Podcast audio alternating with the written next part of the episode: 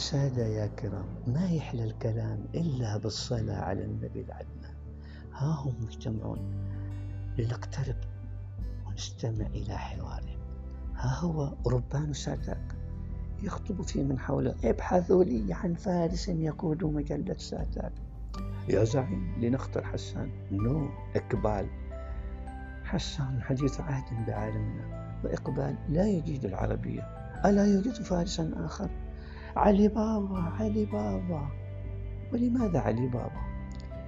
إنه عراف المجلات وذو دراية بالإعلام وأحسب أنه القوي الأمين. يا ابن حفتر انطلق برسالتي إلى علي بابا.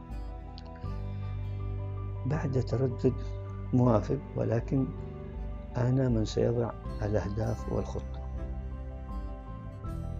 وها هي؟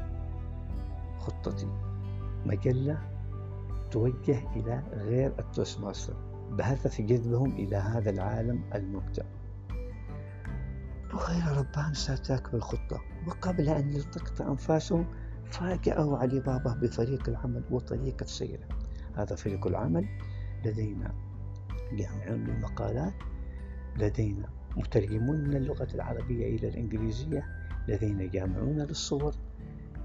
لدينا فريق للتسويق فريق للطباعة وهذه هي المدة الزمنية لتنفيذ العمل بدأ الفريق بالعمل بجد ونشاط. وحينما كان يتسرب الملل أو الكسل إلى الفريق كان يهتف فيهم الوقت كالسيف إن لم تقطعه قطعك. ولكن كانت هناك مفاجآت تنتظر علي بابا. فقد اكتشف أن فريق التصميم لا يجيد العمل على برامج التصميم. فلا ضير.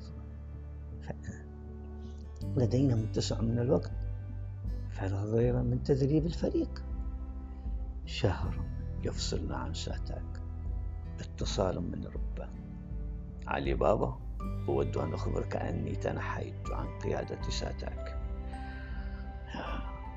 أسقط في يد علي بابا وأسرها في نفسه ولم يبدها للعصابة وما هي إلا أيام قدمت عصابة علي بابا مجلة على طبق من ذهب للقطاع مجلة مكتملة مستوحاة من المجلة العالمية مجلة ورقية وإلكترونية مجلة ذكية فهنالك المقالات النصية والصوتية.